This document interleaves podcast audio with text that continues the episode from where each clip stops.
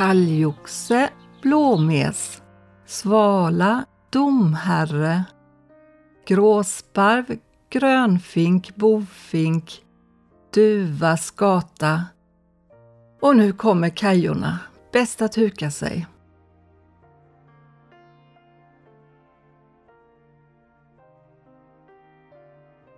Vissa besöker trädgården i flock medan andra kommer ensamma.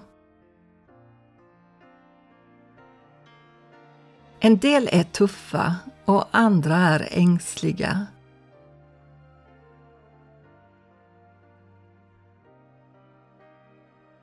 Några bygger sina bon i närheten av huset. Medan andra nöjer sig med att övernatta på taket eller sitta tillsammans i ett träd. Vissa är först med att kvittra på vårkanten medan andra börjar lite senare.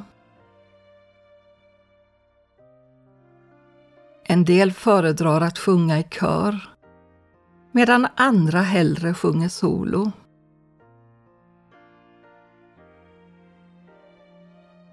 Har du tänkt på att när en fågel lyfter sina vingar litar den på att det kommer en luftström som bär?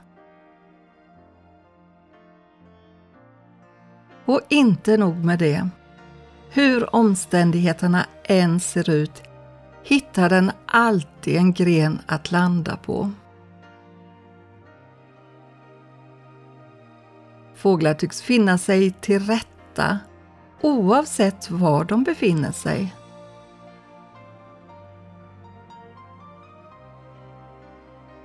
Och vem sjunger efter ett riktigt ruskigt oväder? Jo, fåglarna.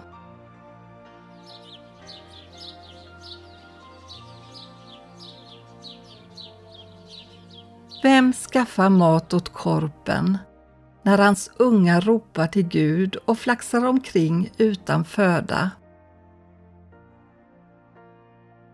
Det undrade Jobb som var en hårt prövad man i Gamla testamentet.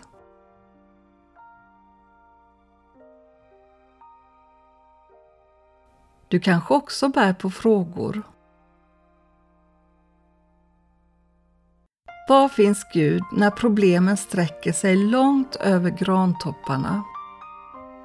Varför måste jag gå igenom allt detta?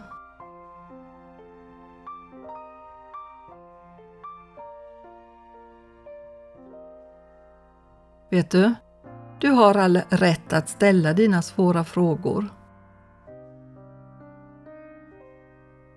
Ett kinesiskt ordspråk säger att en fågel sjunger inte för att den har alla svaren. Den sjunger för att den har en sång. Har du tänkt på att fåglarna börjar kvittra precis innan gryningen? Hur kan de bara veta att det snart blir ljust igen? Jesus sa Bekymra er inte för ert liv. Vad ni ska äta eller dricka. Eller för er kropp vad ni ska klä er med.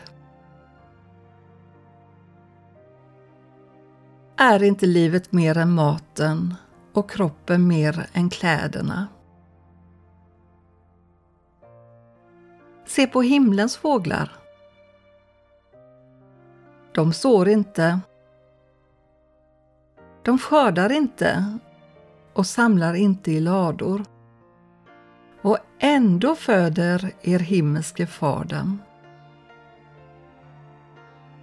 Är ni inte värda mycket mer än dem? Vem kan med sitt bekymmer lägga en enda an till sin livslängd? Inte bekymra sig mer värd än himlens fåglar.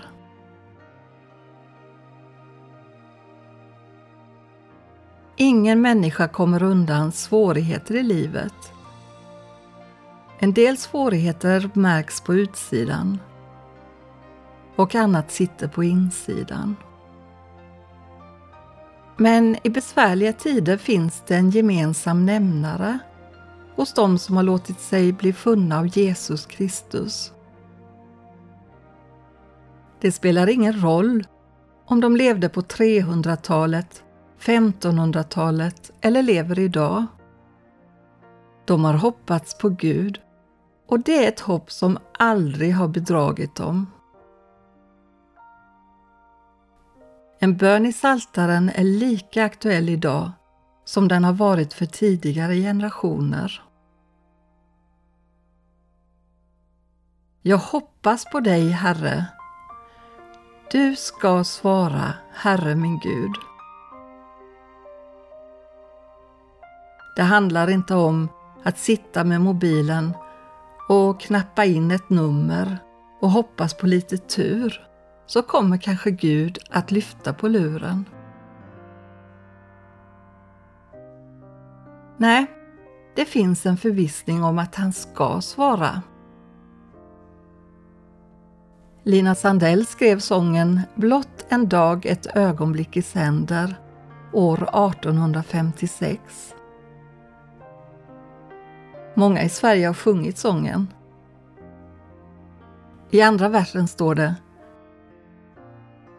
Själv han är mig alla dagar nära för var särskild tid med särskild nåd. Varje dags bekymmer vill han bära. Han som heter både kraft och råd. Morgondagens omsorg får jag spara. Om en oviss syns min vandringsstig. Som din dag så skall din kraft och vara. Detta löfte gav han mig. Lina Sandell var inte befriad från svårigheter. Men hon gjorde som fåglarna, hon sjöng ändå.